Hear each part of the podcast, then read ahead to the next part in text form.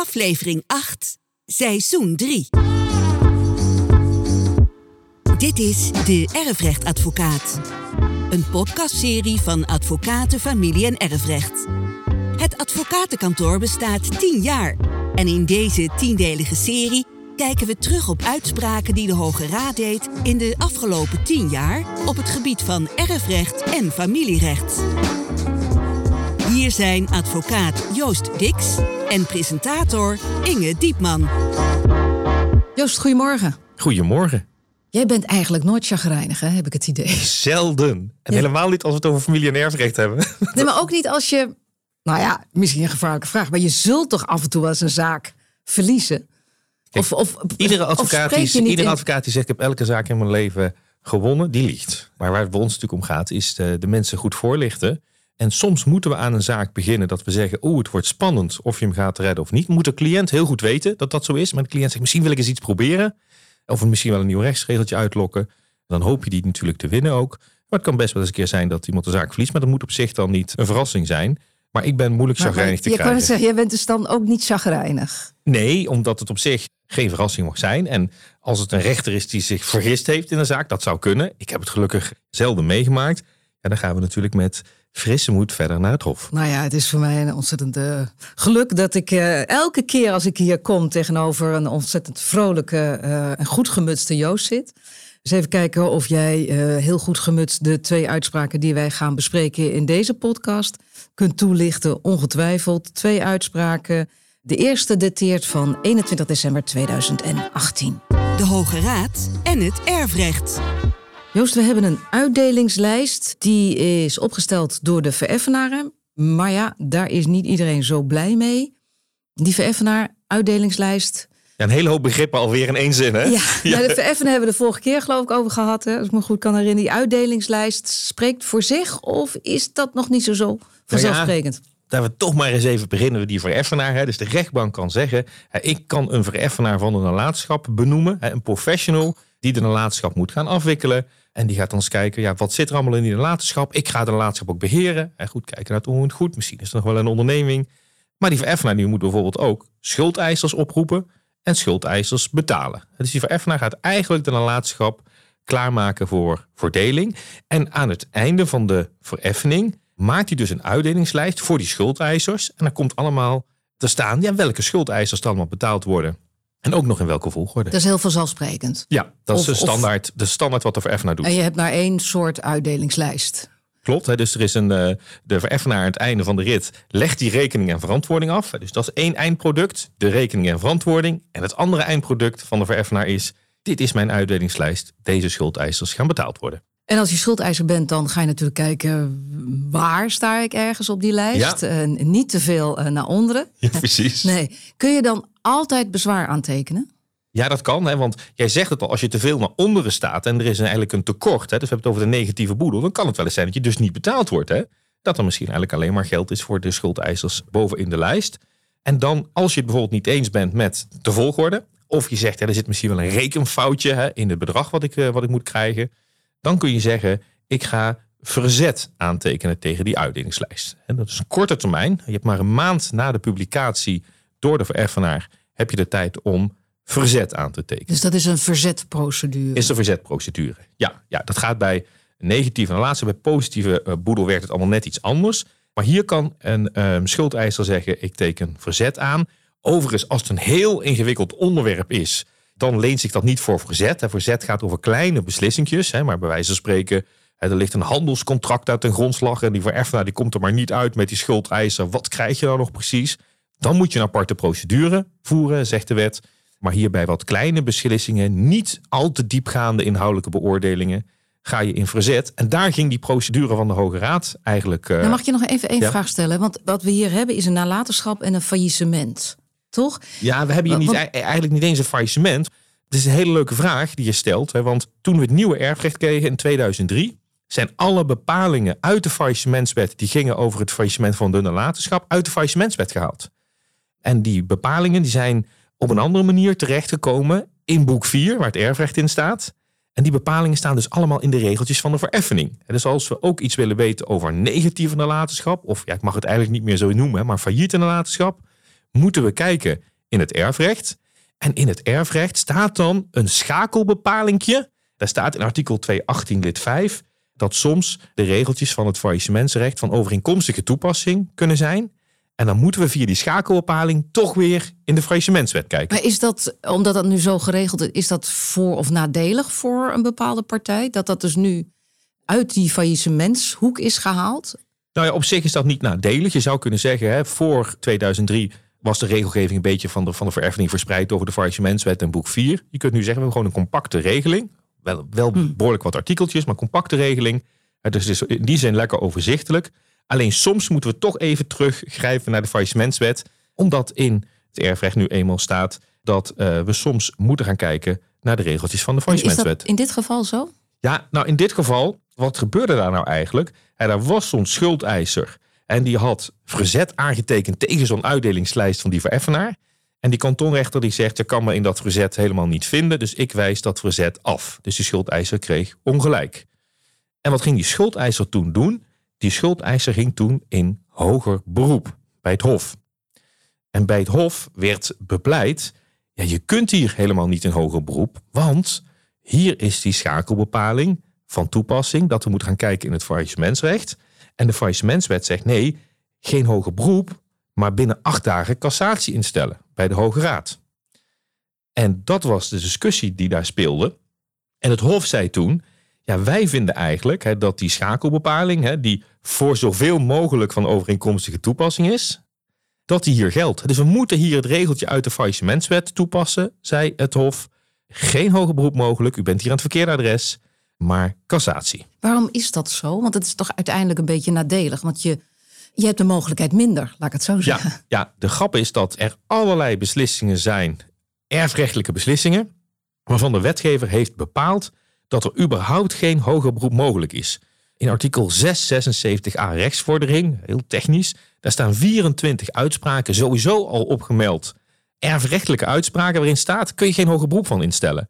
De wetgever heeft gedacht, ja, soms zijn het zulke kleine beslissingjes, zo ondergeschikte beslissingjes, dan moet je niet ook nog eens een keer van een hoger beroep kunnen. Ah, dus het, het, het, scheelt een hoop werk, zal ik maar zeggen. In rechtelijk Nederland. Zo is het, zo is het, ja. En hoe is dat hier afgelopen dan precies? Nou ja, kijk, dat Hof dat zegt, je kunt hier uh, helemaal niet terecht, want je moet hier de faillissementswet toepassen. U had binnen acht dagen in cassatie ja. gemoeten, geen hoger beroep. En die schuldeiser, die gaat naar de Hoge Raad. Dat weten we al, want we bespreken hier in deze serie tien uitspraken erfrecht van de Hoge Raad. We komen bij, altijd bij de Hoge Raad terecht. En de Hoge Raad die moest gaan oordelen, klopt het nou dat je hier de faillissementswet moet toepassen als er iemand verzet heeft aangetekend, de kantonrechter beslist daarop en je wil daar een rechtsmiddel instellen. Toen heeft de Hoge Raad gezegd, het Hof heeft het hartstikke goed gedaan. Er is hier inderdaad geen hoger beroep mogelijk. Als je beslissing krijgt op het verzet tegen de uitdelingslijst, moet je binnen acht dagen cassatie instellen en de faillissementswet geldt hier.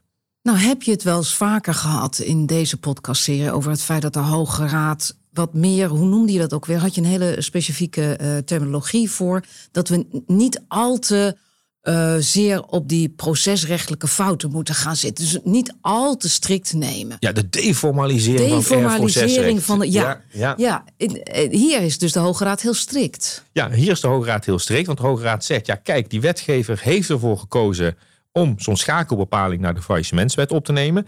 Er staat weliswaar er voor zoveel mogelijk van overeenkomstige toepassing. Maar ja, voor het rechtsmiddel geldt dat in ieder geval. Dus de Hoge Raad zegt, we volgen hier gewoon het regeltje van de wet. Dus, kort gezegd, wat is de rechtsregel die de Hoge Raad hier heeft geformuleerd? Als iemand verzet aantekent tegen een uitdelingslijst... en daar komt een beslissing van de kantonrechter... en je wil daar nog een rechtsmiddel tegen aantekenen... kun je niet een hoger beroep, maar binnen acht dagen cassatie instellen.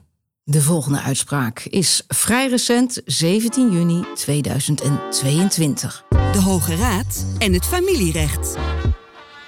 Ja, Joost, dit is wel een bijzondere zaak, vind ik. Het is een mevrouw.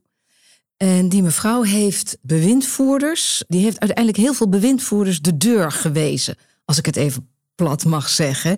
Even allereerst een bewindvoerder. Waarom, of in welke gevallen heb je een bewindvoerder nodig? Dus wat, wat doet hij? we moeten dit eigenlijk allemaal plaatsen in het kader van het familierecht natuurlijk. En dan ook de beschermingsmaatregelen die de wet kent voor meerderjarigen. De wet zegt soms moeten we meerderjarigen beschermen. En je kunt dan zeggen, ja, dan zijn er eigenlijk drie beschermingsmaatregelen die de wet kent. Dat is de curatele, het bewind en het mentorschap. Bij curatele komt iemand onder curatele te staan, wordt handelingsonbekwaam. Je kunt zeggen, ja, dat is eigenlijk bedoeld voor mensen die niet zelfstandig over hun financiële en persoonlijke zaken kunnen beslissen. Dan heb je bewind. Bewind gaat over de goederen van iemand. Dus je staat niet onder bewind, maar je goederen staan onder bewind. En die bewindvoerder gaat dan eigenlijk de geldzaken van iemand regelen, die dat zelf eh, niet kan. En bij mentorschap gaat het over de persoonlijke zaken. Dus je kunt een bewind en een mentorschap kun je koppelen. Je moet het eigenlijk zien in het kader van, goh, iemand kan het niet helemaal goed meer zelf. Moet er niet ingegrepen worden? Moet er niet hulp komen? En moet die rechter niet iemand aanstellen die die zaken gaat regelen. Ja, want dat is de rechter altijd die een bewindvoerder aanstelt? Ja, zo is het. Het is een beschermingsmaatregel. Hè. En eh, gelukkig kan ik niet bepalen van... goh, ik ga nu jouw leven regelen, eh, Inge. Gelukkig niet. Gelukkig zit daar altijd een, eh, een rechtelijke toets, uh, Mag je best hoor. en er moet natuurlijk wel iets, iets aan de hand zijn. Je moet het zelf niet meer kunnen.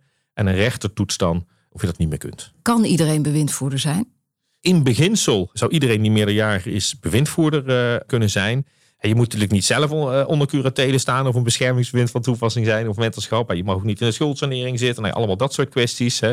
Maar in beginsel zou iedereen uh, um, dat kunnen doen. Ja. Wanneer ben je niet geschikt als bewindvoerder dan? Behalve als, je, als het jezelf betreft? Nou ja, je moet natuurlijk wel een goede financiële huishouding kunnen voeren. Hè. Dat is natuurlijk wel uh, de, de, bedoeling. En het kan ook iemand dus uit de omgeving van de rechthebbende zijn. Hè, die tot bewindvoerder wordt benoemd. kan best een zoon of een, of een dochter zijn. Maar we hebben ook bijvoorbeeld professionele bewindvoerders. Je hebt zelfs hele bewindvoerderskantoren. Ja, oftewel die worden betaald. Die worden betaald. Dus die hebben recht op loon. Die hebben recht op loon, ja, klopt. Nou, zei ik net al, dit vind ik een bijzondere zaak, want je hebt een mevrouw en die krijgt elke keer weer een bewindvoerder toegewezen. Uiteindelijk vijf zelfs in totaal. Die mag dus die bewindvoerder de deur wijzen. Nou ja, in ieder geval is het zo dat zo'n bewindvoerder op een gegeven moment weer ja, ontslagen kan worden. Misschien zegt de bewindvoerder zelf wel, ik moet er eens mee stoppen. Dus het, het, het, het werkte daar, daar niet goed. Ja, uit die uitspraak blijkt inderdaad dat die, die communicatie tussen de rechthebbende, degene wiens goederen onder bewind staan, en de bewindvoerders, ja, dat liep niet goed. Maar heeft die rechter een uh, verkeerde hand van kiezen gehad? Of was die mevrouw kieskeurig? Want die mevrouw zegt vervolgens: Ja, maar wacht even, ik weet wel iemand die vind ik wel goed. Uh, Stel die nou aan. Ja, nee, precies. Hè. Dus op zich zou je ook kunnen zeggen dat het regeltje ook wel zo is. Dat het uitgangspunt is dat bij de benoeming van een bewindvoerder we gaan kijken naar ja, welke voorkeur heeft die rechthebbende nou eigenlijk. Hè? Dat, dat is best een goed uitgangspunt. Tenzij er op een gegeven moment gegronde redenen ontstaan die zich tegen zo'n benoeming van de voorkeur verzetten. Dus dat kan. Ja, en hier inmiddels, ja, het is wel heel bijzonder. Er waren er inmiddels vijf van het toneel verdwenen. Ja, dus niet zo raar dat mevrouw zegt... nou, ja, ga nou eens kijken naar degene die ik graag naar voren wil schuiven. Daar was de rechtbank het niet mee eens. Nee, op een gegeven moment kan het zover gaan... dat je zegt van, nou ja, je mag best wel een voorkeur aangeven... maar uiteindelijk bepaalt de rechtbank... en misschien kan het wel beter zijn dat er ineens een, een ander komt. En waar moest de Hoge Raad zich over buigen? De Hoge Raad moest zich eigenlijk buigen over de vraag van... goh, kan het eigenlijk zo zijn dat als je gaat afwijken van die voorkeur, hè, kan dat. Hè, en ja, waar moet dat dan aan voldoen? Dus de Hoge Raad zei van ja, je kunt best wel afwijken van de uitdrukkelijke voorkeur van de rechthebbende. Hè, wie dan bewindvoerder wordt, daar mag je best wel uh, van afwijken. Maar in principe moet je hem volgen zelfs. Hè, zou, zou je kunnen zeggen dat de Hoge Raad zegt, tenzij er gegronde redenen zijn tegen die benoeming. De Hoge Raad zegt dat moet dan wel goed naar voren komen wat dan die gegronde redenen zijn. Hè. Dus het kan best wel zijn dat de bewindvoerder zelf ongeschikt is. Of misschien eh, vindt de rechter het helemaal niet zo'n fris type als hij toevallig kent uit uh, het andere dossiers. Maar als de rechtbank dan zegt, we gaan afwijken van die, uh, die voorkeur. Hè, dus de rechter zegt, nee, ik ga afwijken van de voorkeur.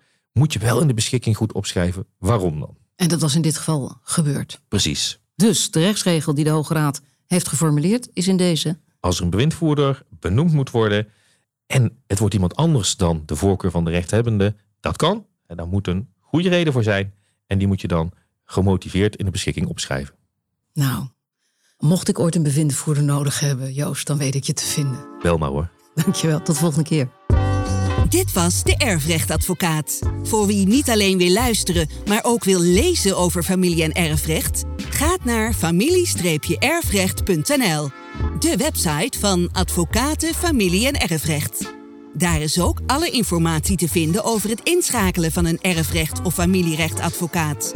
Mocht u willen reageren op deze podcast, stuur dan een e-mail naar info@familie-erfrecht.nl.